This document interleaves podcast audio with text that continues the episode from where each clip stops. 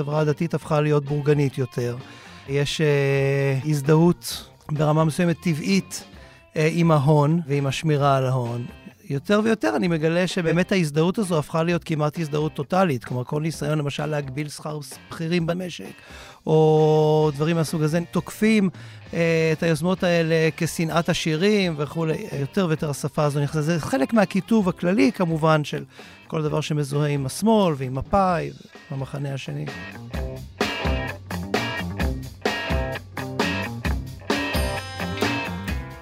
ברוכים הבאים למרקרים, פודקאסט סוף השבוע של דה מרקר. ההזדמנות שלכם לקחת פסק זמן ממחזור החדשות היומיומי ולצלול איתנו לאירועים, לאנשים ובעיקר לרעיונות שמאחורי החדשות.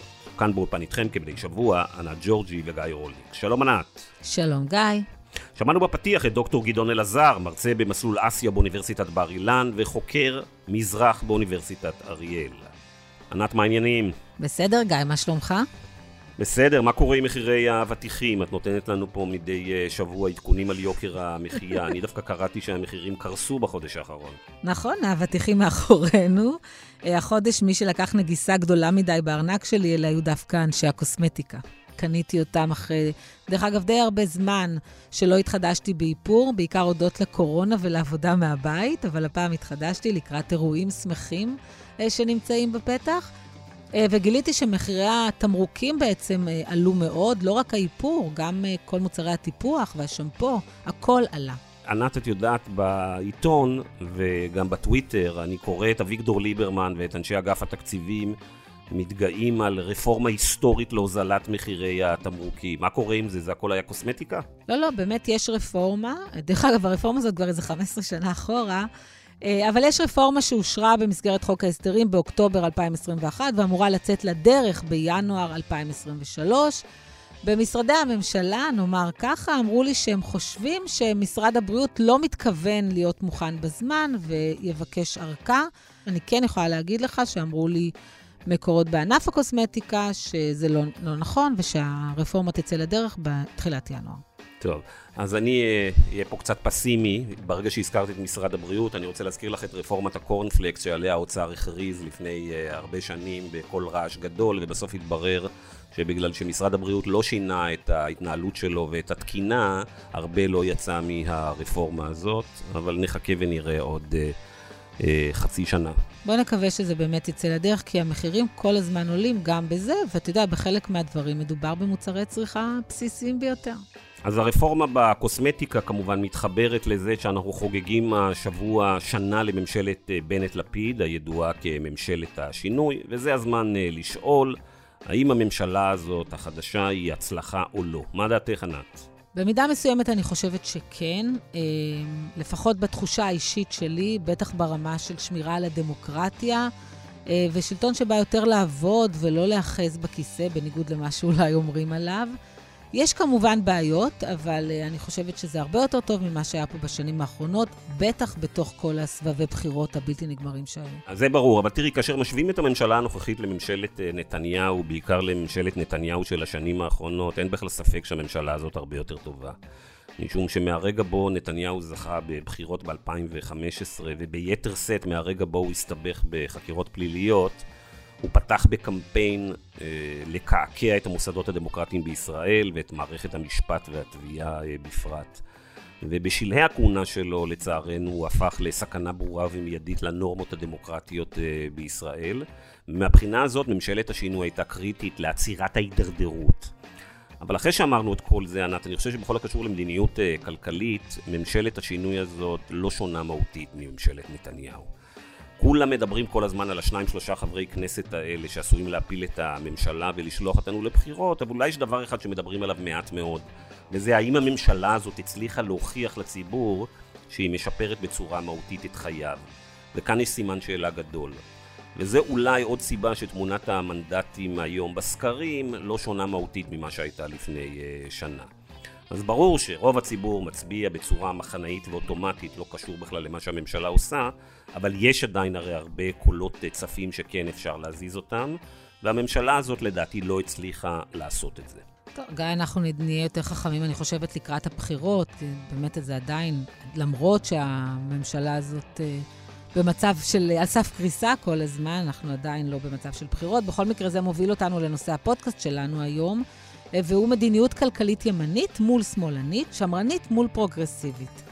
ראש הממשלה שלנו ומפלגתו נמנים על הציונות הדתית, ובעשור האחרון משהו מפתיע קורה בתוך הציונות הדתית, לא בנושאים שבהם עוסקים כל הזמן, של ביטחון, התנחלויות, דת ומדינה, אלא בנושא הכלכלי. חלקים מסוימים מהציונות הדתית החלו לאמץ רעיונות כלכליים ימניים שמיובאים מארצות הברית, כמו אמונה בקיומו של שוק חופשי, שיודע לארגן יותר טוב מכל את חיינו, והקטנת המעורבות הממשלתית. יהיה איתנו באולפן היום דוקטור גדעון אלעזר, הוא מרצה, כמו שאמרת, במסלול אסיה באוניברסיטת בר אילן, שפרסם לפני חודש מאמר בעיתון מקור ראשון, ובו הוא הטיח ביקורת חריפה על הזרם המתחזק בציונות הדתית, שמאמץ רעיונות ימנים אמריקאים. בקיצור, גיא, אנחנו הולכים לדבר על יהדות, אבל מזווית שונה ואפילו קצת מפתיעה. אז מיד מתחילים.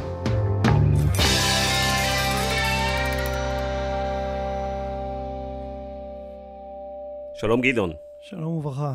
אז מה קרה לציונות הדתית? מבני עקיבא עברנו ישירות למילטון פרידמן? מערבות הדדית ומדינת רווחה לקניין פרטי ומאבק ברגולציה? אז לא ישירות, אני חושב שזה לקח זמן. כלומר, מה שקרה זה שאני חושב שבהתחלה התחיל, לפני כמה שנים, התחיל אימוץ של שפה פילוסופית שקשורה לשמרנות, לימין האמריקאי. ומה שהיה נראה בהתחלה כאיזה ניסיון להתמודד בשדה הרעיונות הלא דתי, כלומר, הרבה מהאימוץ הזה מלכתחילה הגיע מאיזה צורך ש, של הציונות הדתית, תחושה שיש צורך לאמץ איזושהי שפה פילוסופית מערבית מסודרת. התהליך הזה גובה בהרבה מאוד מימון של כמה, כמה גורמים, בעיקר במימון אמריקאי, קרן תקווה ופורום קהלת, והתחיל יותר ויותר להיכנס באמת רעיונות של ימין כלכלי, אני הייתי אומר לא רק אמונה בשוק חופשי, אלא ממש אמונה בסוג של שוק חופשי רפובליקני של הנאו-קונסרבטיבים האמריקאים, בסגנון הזה. די רדיקלי, הכל בטוח, יחד עם ביקורת כזאת מאוד מאוד חזקה וחריפה על כל אג'נדה מכל סוג ש, שקשורה למדיניות uh, כלכלית uh, של התערבות, או כל סוג אחר uh, של... זה, זה בא, זה עסקת חבילה, כלומר, זה גם ביקורת על האג'נדה האקולוגית, וזיהוי של כל מה שקשור לביקורת על השוק החופשי כמשהו ששייך לשמאל, משהו ששייך למחנה השני. Uh, אני חושב שזה נכנס יותר ויותר. כתבתי בכתבה שאני בהתחלה, בשנים הראשונות, הרגשתי... אז רק, ש... אז כן. רק נגיד בעצם שפרסמת לא מזמן מאמר במקור ראשון, שהכותרת שלו הייתה, התמסרות למערב היא רק אחד הפרדוקסים בשיח השמרנות בציונות הדתית, ובעצם יש פה לא מעט ביקורת מאוד מעניינת על הציונות הדתית, ומה שאתה אומר שם, והוא מעניין, שבהתחלה זה היה נראה כאילו הם זורמים עם הכסף שהגיע אליהם מארצות הברית, והם לא באמת מאמצים את הרעיונות האלה. והיום אתה אומר, זה טבוע מאוד עמוק בתוך הציונות הדתית, זה באמת מה שהם מאמינים בו. זה כמובן חלקים. הציונות הדתית היא כמובן מאוד מאוד מגוונת, לא בטוח שיש מגזר כזה בכלל, למען האמת, יש הרבה מחלוקות על זה, כלומר, יכול להיות שאין, זה, יש כמה וכמה אה, ראשים לחיה הזאת. אבל uh, בחלקים מסוימים אני מרגיש שזה נהיה מאוד מאוד uh, מוטבע בשנים האחרונות. כלומר, הכותרת הזאת היא שמרנות, היא כותרת מאוד מאוד רחבה, שבהתחלה התחושה שלי הייתה שנכנסו לשם כל מיני אנשים שלא היו באמת שמרנים, אלא רק איזושהי הזדהות, אולי עם איזה אג'נדה נגד הפרוגרסיביות וכולי, דברים מהסוג הזה, אבל, אבל יותר ויותר אני מרגיש ש, שנכנסים רעיונות באמת, אפשר להגיד, uh, קפיטליסטים קיצוניים. כשבמקביל יש גם שינויים בתוך החברה הדתית, החברה הדתית הפכה להיות בורגנית יותר. יש הזדהות ברמה מסוימת טבעית עם ההון ועם השמירה על ההון. יותר ויותר אני מגלה שבאמת ההזדהות הזו הפכה להיות כמעט הזדהות טוטאלית. כלומר, כל ניסיון למשל להגביל שכר בכירים במשק, או דברים מהסוג הזה, זה, תוקפים אה, את היוזמות האלה כשנאת עשירים וכולי. אה, יותר ויותר השפה הזו נכנסת. זה חלק מהכיתוב הכללי, כמובן, של כל דבר שמזוהה עם השמאל ועם מפא"י והמחנה השני. גדעון, לפני שנצלול לתוך הרעיונות פה, אני רוצה שתספר לנו קצת uh, על עצמך, ואיפה אתה פוגש את התופעה הזאת, הן ברמה הפרטית והן ברמה המקצועית שלך כחוקר. אני מתגרר בתקוע. אני הייתי תלמיד של הרב מנחם פרומן, זיכרונו לברכה, שהיה אדם מאוד מקורי בכל מיני, הוא יותר מוכר מהקשר שלו לשלום ול, ולשיח עם פלסטינים, אבל הוא היה אדם מקורי בכל מיני תחומים. אפשר להגיד שאני לא כל כך גדלתי במיינסטרים של החברה הציונית-דתית, אבל כן מזוהה איתה בגדול וחרד לה ודואג לה. ואני אומר שכאקדמאי מתחיל, אה, שמתי לב שבשנים האחרונות, אחד הדברים שהובילו אותי לכתיבה הזאת, זה שבאמת ראיתי שיותר ויותר אקדמאים בדור שלי, דתיים בדור שלי, מתוך מצוקת התקנים והקשה אה, בתוך האקדמיה, יותר ויותר פנו לגופים אה, כמו, כמו שהזכרתי, קרן תקווה, פורום קהלת, מקומות אחרים, שבעצם הם, הם בית כזה טבעי לחוקרים שהם יותר בכיוון הימני של, אה, של המפה. ככה התחלתי להתעניין בזה, וכמו שאמרתי, הרבה מהאנשים שהגיעו לשם בהתחלה באמת לא היו ימניים במובן הכלכלי אה, מלכתחילה. אבל אני חושב שהגופים האלה מצליחים מאוד מאוד להכניס את האג'נדה שלהם כ- כסוג של כמעט מרכיב זהות. אבל אתה אומר שהם גם בעצם נחתו על קרקע פורייה של א', התנגדות לשמאל ולכל מה שהוא משקף. לשמאל כשהכוונה היא למפאי הגדולה, השמאל הזה, אני לא יודעת אם הוא, לא חושבת שהוא קיים היום. הייתי אומר שזה זה... כל מה שממפאי עד להתנתקות, כלומר, זה, זה, זה, אפשר להלביש הרבה על המושג הזה. אבל יש פה שמאל. עוד משהו, גם איזושהי תחושה בעצם שאותו שמאל, אותה מפאי, קצת מידרו את הציונות הדתית מעמדות הכוח. כן. וצריך להגיד שהיום הציונות הדתית כן נמצאת במוקדי הכוח, אנחנו מדברים על מוקדי כוח כלכליים, בעיקר אולי במגזר הציבורי. אז אני חושב שכן, השיח הזה הוא מאוד מאוד רגשי גם, והוא קשור לתחושת uh, מידור ולתחושת... Uh, אה, כן, מידור מהתרבות ו- ו- ולכל ה... אה, גם היום יש המיעוט. את התחושה הזאת? ש... כן, אני חושב שהציונות הדתית הולכת עם התחושה הזאת, שגם, למרות שבאמת יש הרבה אה, אנשים בציונות הדתית שנמצאים בתפקידי כוח, כמו שאמרת, עדיין יש תחושת מיעוט ותחושה של מאבק. חזקה, והתחושה הזו היא לא מופרכת בעיניי. כלומר, היא, היא לא, היא לא מופרכת. כלומר, יש לה בסיס מסוים, אה, כי באמת במוקדי הכוח התרבותיים, הציונות הדתית היא לא, היא לא כוח משפיע. וחלק מזה זה, זה גם אה, התנגדות לאג'נדה פרוגרסיבית, שאיכשהו אה, מתקשרת אה, לשמאל, וגם לשמאל כלכלי. אז תכף נדבר על הרעיונות שהם אה, מקדמים ואיך הם מקדמים את זה. הזכרת את תקווה וקהלת, שכנראה מאוד דומיננטיים גם בפוליטיקה, גם בקרב צעירים יותר, גם באקדמיה, אבל בואו נלך קצת אחורה. איפה רעיונותיו של מילטון פרידמן מתחברים לרעיונות של הוגי דעות חשובים בהיסטוריה היהודית? טוב, אם אתה שואל אותי, אז אני חושב שהם לא מתחברים. כלומר, אני חושב, ש... אני חושב שהחתונה הזו היא חתונה אה, מאוד מאוד מלאכותית. כלומר, התורה מכירה במושג הזה קניין פרטי, ויש בה בהחלט רמה מסוימת של שוק חופשי. כלומר, אני לא... גם הטענה ההפוכה היא לא נכונה. גם, גם הטענה שהתורה היא סוציאליסטית, היא, היא מופרזת, לכל הפחות. אבל המחשבה שמי שקורא את המקורות של, של היהדות, יכול להגיע למסקנה שמדובר בשוק חופשי לגמרי, עם איזו זכות קניין אה, מוחלטת, אני חושב שהיא אה, מוזרה לכל הפחות.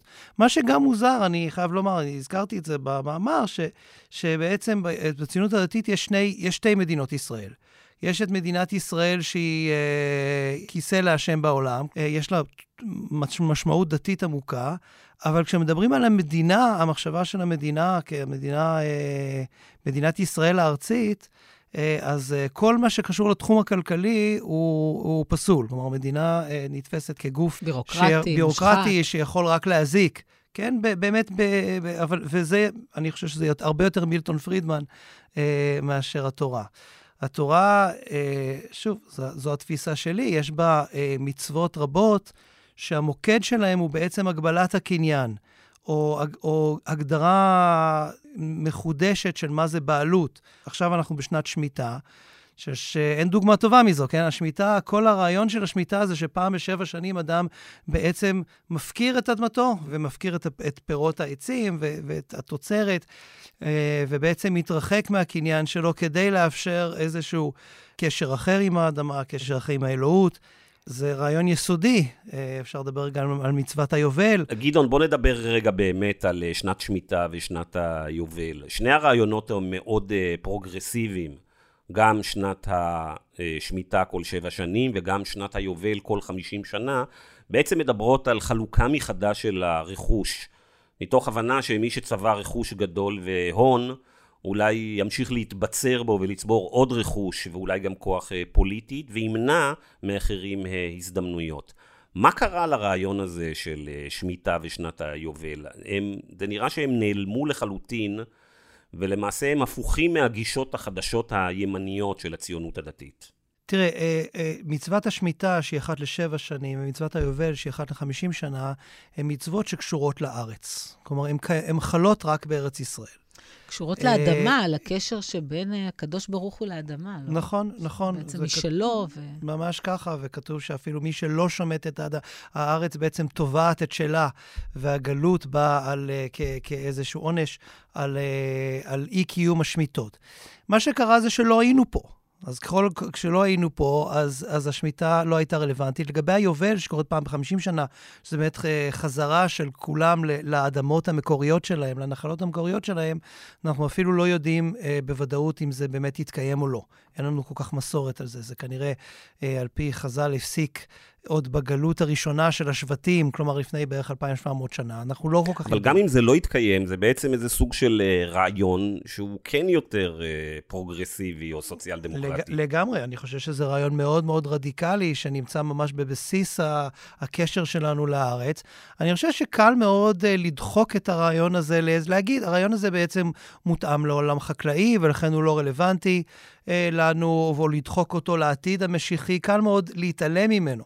אבל uh, אני מסכים לגמרי שהרעיון הזה של, של פעם בחמישים שנה, אגב, אבות הציונות מאוד התלהבו מרעיון היובל, גם הרצל, גם ז'בוטינסקי uh, כתבו על הרעיון הזה שפעם בחמישים שנה, ז'בוטינסקי כותב על הגרזן, הגרזן שקוצץ לכולם את הראש. Uh, לא במובן האמיתי, כן? זה לא... במובן הכלכלי. במובן הכלכלי, ומאוד התלהבו מהרעיון הזה, ואני חושב ש...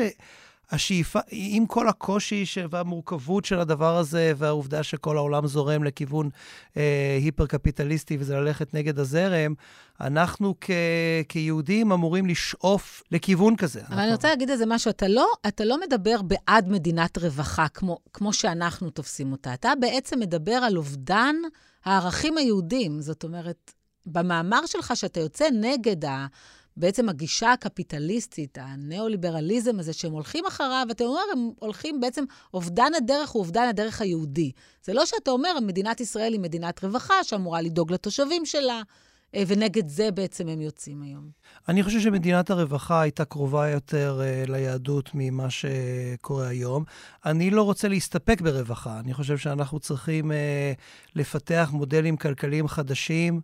אה, ורדיקליים ברוח היהדות. אנחנו לא נוכל להעתיק אותם ישר מהעולם ההלכתי, זה בעצם לפעול בהשראתם, כי כמו שאמרתי, הם באמת בנויים לעולם חקלאי. אה, אבל אני, אה, כן, אני חושב שזו צריכה להיות השראה לעבור אל מעבר למדינת הרווחה. וגם השאלה, כשאתה מתחיל לקחת את ה... בעצם את ה... להתאים את עצמך לעקרונות או לתנאים ההלכתיים, איפה זה נעצר? אה, ובעצם הכלכלה היא רק פן אחד. אנחנו מדברים פה על גם סוג של לאומנות ושל סגירות. אני אגיד לך, אני, אני מרגיש, הכותרת המקורית של המאמר הייתה חילונה של, של הציונות הדתית. אני מרגיש שהציונות הדתית אימצה הרבה מאוד ערכים חילוניים, שבעיניי הם חילוניים. מילטון פרידמן זה אחד מהם, וגם היחס ללאומיות, אני אה, לאומי, אבל אני מרגיש שגם בתחום הזה, יש נטייה בציונות הדתית לחשוב על לאומיות במובן אה, מאוד מערבי, אירופאי, שאני חושב שהוא באיזשהו מקום, אה, באמת, אה, בחלקים מסוימים שלו, גם גולש לעניינים אה, לאומניים. כן, אז בואו בוא, בוא, בוא נחזור לעניין הכלכלי באמת, אה, גדעון. אז השאלה היא, מאיפה הרעיונות הימניים, לפעמים ליברטריאנים האלה, הגיעו לישראל והחליפו את בני עקיבא במילטון אה, פרידמן. ואולי זה בעצם הכל הגיע מארצות הברית, מהמפלגה הרפובליקנית ומהתורמים הגדולים שלה. אנחנו רואים איזה זהות בדברים האלה דרך התורמים הגדולים של קרן תקווה ושל פורום קהלת, שמיליארדרים, אה, רפובליקנים, אה, ימנים. אז אולי נלך קצת אחורה ונשאל מה קרה ליהדות האמריקאית שהיא הפכה בחלקה הגדול, בעיקר העשירים ביותר, היא ראתה יהדות וחיברה בין יהדות למילטון פרידמן, חוץ מזה שהוא היה יהודי. אני חושב שביהדות אמריקאית יש איזו הזדהות יתר, הייתי אומר איזו תפיסה שהערכים האמריקאים הם הערכים היהודיים. כלומר, רואים את זה גם משמאל וגם מימין באמריקה. אני חושב שאצל יהודים אמריקאים, באמת, ההזדהות שלהם עם, עם המערכת האמריקאית אה, היא כל כך טוטאלית, שהיא ממש הפכה להיות חלק מהזהות היהודית שלהם. אה, והרבה מהשיח הזה שרואה בשוק, בקפיטליזם, איזושהי מערכת טבעית. ובכל דבר שחורג מזה משהו אה, לא טבעי, ולכן גם מעוקצה ומסוכן, מסוכן, שיוביל אותנו ישר אה, חזרה למפא"י ומשם לגולאג ולא יודעים לאן, אני חושב שהשיח הזה, השיח הזה האמריקאי, השיח על הטבעיות של המערכת, כן, אה, של השוק החופשי, של הג'ונגל החופשי, אה, בעצם זה באמת נכנס מארצות הברית. וכן, אני, אני לא מומחה ליהדות ארצות הברית, אבל זו התחושה שלי, ש, שבאמריקה יש... יש איזו הזדהות כזאת טוטאלית. זה גם, אגב, גם בא עם הזדהות שהיא חדשה לי כיהודי, הזדהות עם תרבות המערב. כלומר, פתאום הדיבור הזה שאנחנו חלק מתרבות המערב, הערכים היהודאו-נוצרים. אני לא יודע, אני יהודי ואני, יש לנו את התורה, שאנחנו, יהדות ידעה תמיד להשתלב. אה, ולנהל איזשהו שיח ביקורתי, אבל אה, פרקטי, עם התרבויות הסובבות אותה, אבל היו יהודים בכל מיני תרבויות. אוקיי, okay, אז גדעון, אני רוצה לשאול אותך בעצם איך האידיאולוגיה הזאת מתיישבת עם זה שהיהודים רואים את ישראל, רואים את היהדות כאור לגויים. ולא כאת מדינת ישראל כאומה בין האומות, או כאומה שווה בין האומות. אז אני חושב שזה חלק מהחילון. חלק מהחילון זה אימוץ מושגים נורמליים והליכה לאיזה סוג של נורמליות. נורמליות במובן, ה... כרגע במובן הקפיטליסטי. כלומר, אני חושב שזה לא משתלב, אבל אני חושב שהמושג הזה, אור לגויים, אצל הרבה אנשים הוא סוג של... אה, זה סוג של סיסמה שהיא בעצם בפועל היא קשורה לעתיד הרחוק. כלומר, אני לא, אני לא יודע אם עד כמה היא באמת מניעה אה, אנשים בתוך העולם הדתי. אה, אולי מתוך הבנה שזה לא, שאתה יודע, אנחנו אנשים ככל האנשים. יכול להיות. ישראל היא מדינה ככל האומות, ואתה יודע, זה חלק מהעניין הזה, כשמדברים על אה, מדינת כל אזרחיה, זה בדיוק אותו דבר. כן. אולי זה מה שנכון. יכול להיות. אני חושב שאנחנו uh, צריכים לשאוף ליותר. ליותר מבינוניות, ליותר מלהיות נורמלי ולהיות ככל האומות. אני חושב שיש לנו אה, פוטנציאלית לפחות אה, אה, איזושהי בשורה. אבל יכול להיות שאנחנו לא נזכה לממש אותה, אני לא יודע, אנחנו צריכים, אה, צריך לעבוד בשביל זה, זה לא אוטומטי. חבל לוותר על זה. אני, אה, אני מרגיש שהרבה מהשיח בעצם מוותר על המושג הזה של אור לגויים, אה, בייחוד בתחום הזה, החברתי-כלכלי. חבל. כשאתה מדבר עם אנשים מהציונות הדתית ואומר להם את הדעות האלה שלך, איזה, באיזה תגובות אתה נתקל? תראי, בציונות הדתית, כמו, אני חושב שזה בכלל מאפיין את החברה הישראלית, רמת העניין בתחום, בנושאים האלה הוא נמוך. אלה לא נושאים אה, שהם... אה, זה לא שבאמת, ימין-שמאל, אה, כן ביבי, לא, לא ביבי. בדיוק, זה לא, זה, זה לא באמת אה, מה שמדליק אנשים. זו אחת הבעיות. אנחנו גם, גם אה, אני, אולי עסקתם בזה בפודקאסט שלכם, החינוך שלנו, הכלכלי בישראל אה, והחברתי הוא מאוד אה, נמוך.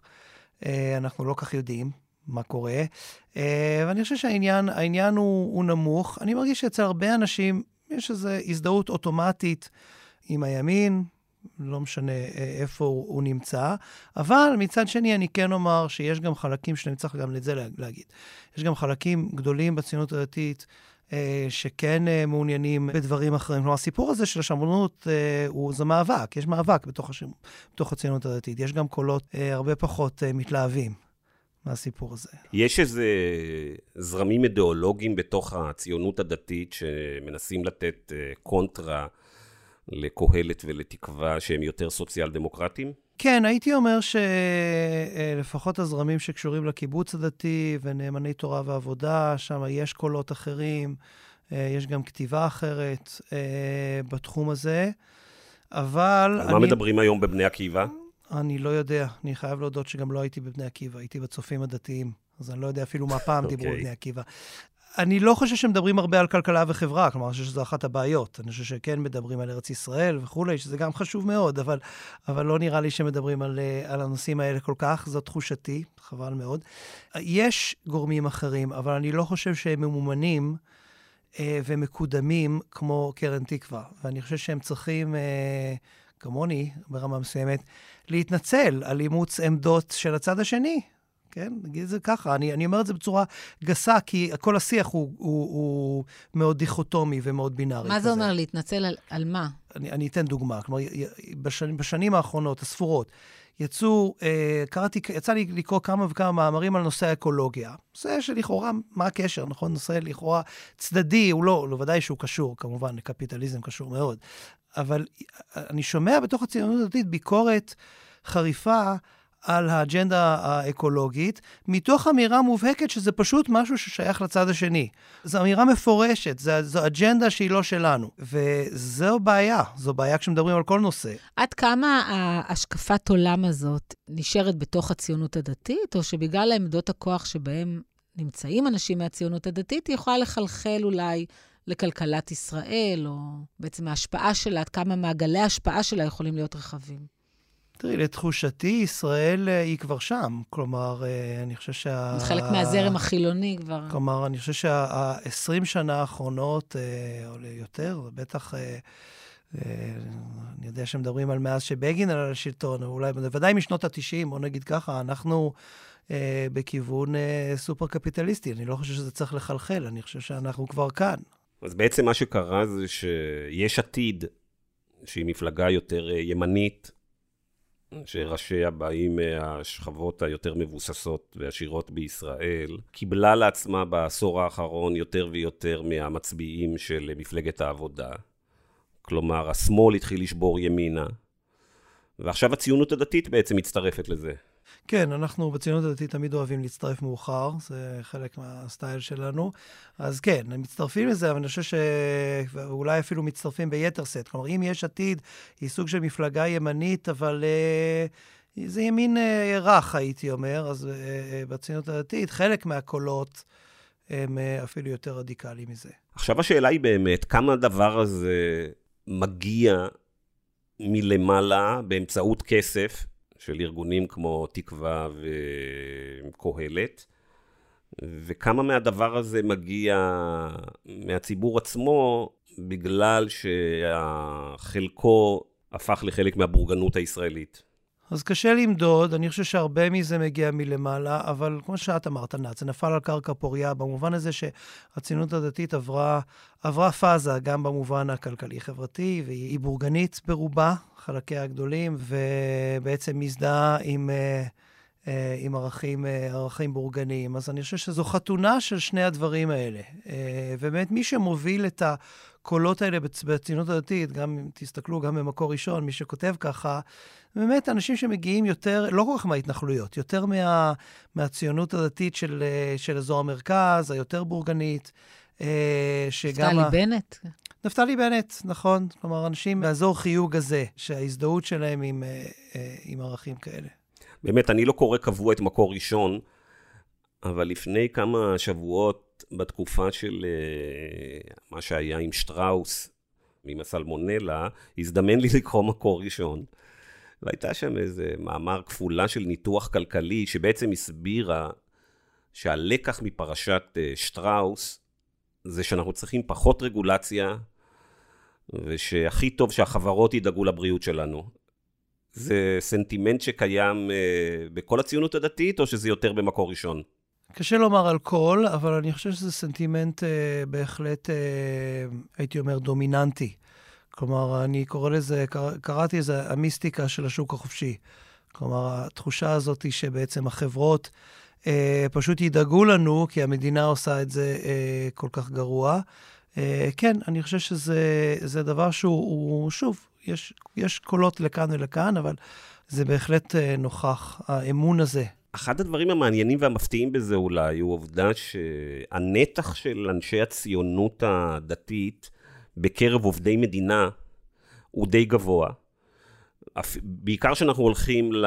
ליהודה ושומרון, או כמו שאנחנו קוראים לזה כאן שטחים, יש שם נתח עצום של אנשים שעובדים בסקטור הציבורי, ומאמינים שהממשלה צריכה להזרים תקציבים כדי לפתח את יהודה ושומרון. והנה, דווקא שמדובר על מדינת רווחה, על רגולציה של חברות גדולות וכן הלאה, פתאום לא מאמינים בממשלה. כן, זה באמת מפתיע. אולי אני טועה, אולי אני מנפח את, את הדברים יותר מדי. כלומר, יכול להיות שיש הרבה אנשים שבסתר ליבם בעצם לא מזדהים עם, אה, אה, עם הרעיונות האלה וכן רוצים אה, רגולציה, אבל אני חושב שזה חלק משיח כללי, נכון? הרגולציה היא קשורה, היא קשורה אצל אנשים, אמרתי שזה שיח מאוד מאוד רגשי. היא קשורה אצל אנשים לעולם, לשליטה של מפא"י, היא קשורה לאידיאולוגיות, אה, לאידיאולוגיות שמזוהות קודם כל עם האחר, אבל גם שמזוהות עם הכישלון של הניסוי הסוציאליסטי. ואחד הדברים העצובים בעיניי זה ש, שיש איזו תפיסה שמרגע שירדנו מה, מהרכבת הסוציאליסטית בארץ, אז זהו, בעצם זו הוכחה ניצחת שמה שהולך זה רק, אה, רק קפיטליזם אה, מהסוג הכי פרוע. איפה רעיונות כמו הפרטה של מערכת הבריאות ומערכת החינוך יפגשו אנשים בציונות הדתית? זו שאלה טובה. אני נוטה לחשוב שההפרטה של אה, מערכת החינוך לא תעבור. בציונות הזאת, זאת אומרת, שהיא תזכה להתנגדות, למרות שאנשים כמו פייגלין, למשל, שקידמו רעיונות כאלה, זכו ללא מעט תמיכה.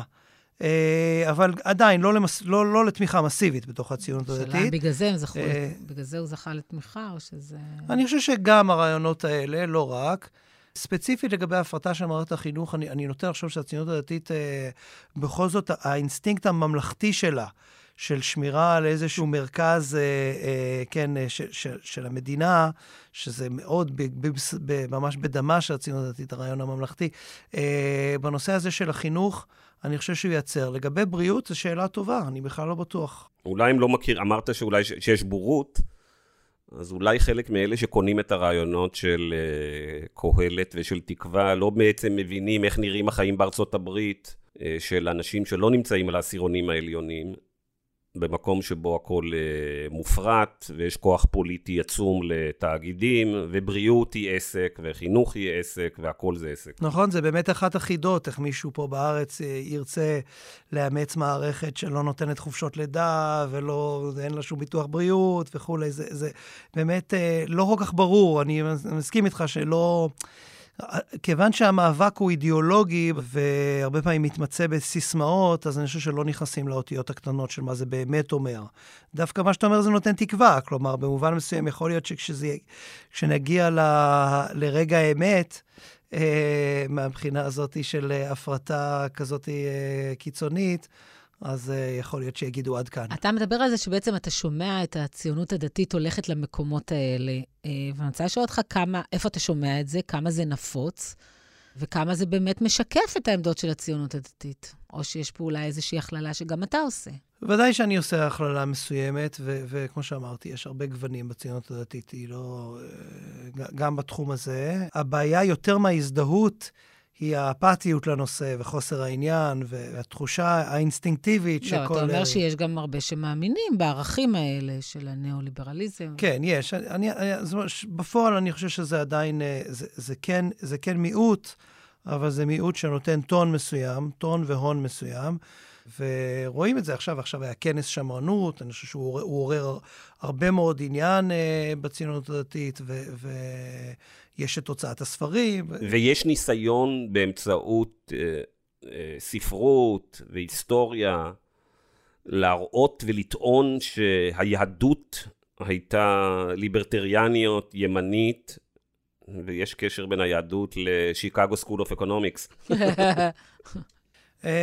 כן, כן, יש, יש, מתפרסמים מאמרים כאלה שמדגישים את הצדדים. אתה יודע, יהדות זה שדה ענק, שאפשר להגיד בו כמעט הכל.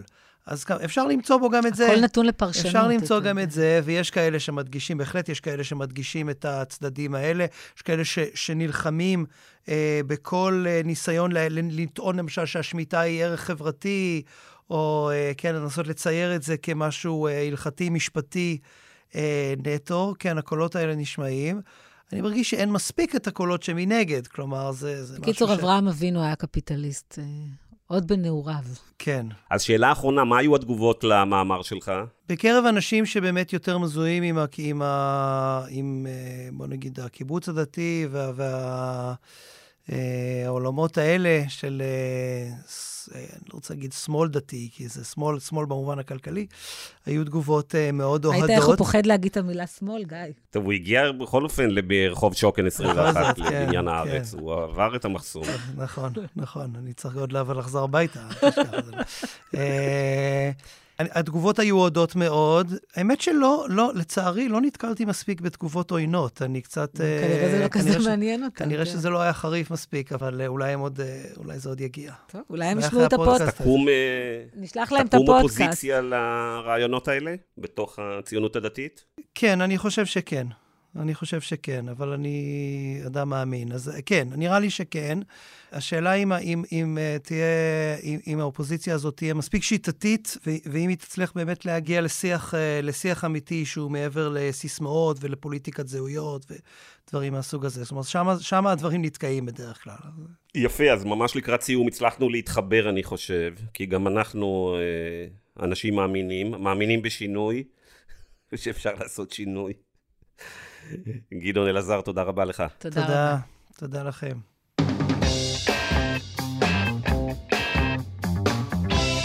טוב, ענת, איך את מסכמת? אז אני חושבת שההצצה הזאת שהתאפשרה לנו לזרמים בתוך הציונות הדתית, שבעצם מדברים על ניאו-ליברליזם ועל כלכלה חופשית ועל שוק חופשי, הם מאוד מעניינים. וגם המחלוקות הפנימיות שיש שם. אני חושב שמה שחלק גדול מהציבור החילוני לא מודע לו, זה שהזרמים האלה שרוצים לקחת את הציונות הדתית ולהפוך אותה בעצם להעתק של המפלגה הרפובליקנית בארצות הברית, עם כל מה שקשור למדיניות הכלכלית הנגזרת מזה, זה אחד הכוחות והשינויים הכי משמעותיים שקורים בפוליטיקה הישראלית בעשור האחרון, והרבה אנשים לא מודעים לזה.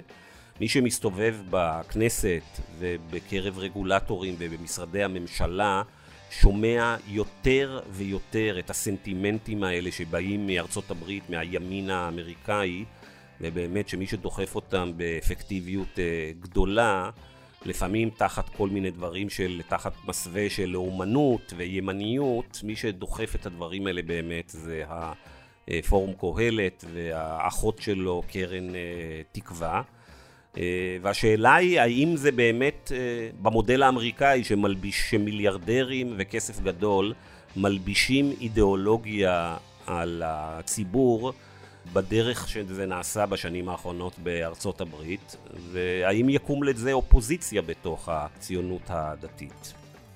עד כאן המרקרים להשבוע. אם אהבתם את הפודקאסט אל תשכחו להירשם בחנויות הפודקאסטים של ספוטיפיי, גוגל ואפל. תודה רבה לאורח שלנו, גדעון אלעזר, שהגיע כל הדרך מתקוע. תודה רבה למפיק שלנו, אמיר פקטור, לעורך דן ברומר. תודה לך, ענת, ולהתראות שבוע הבא.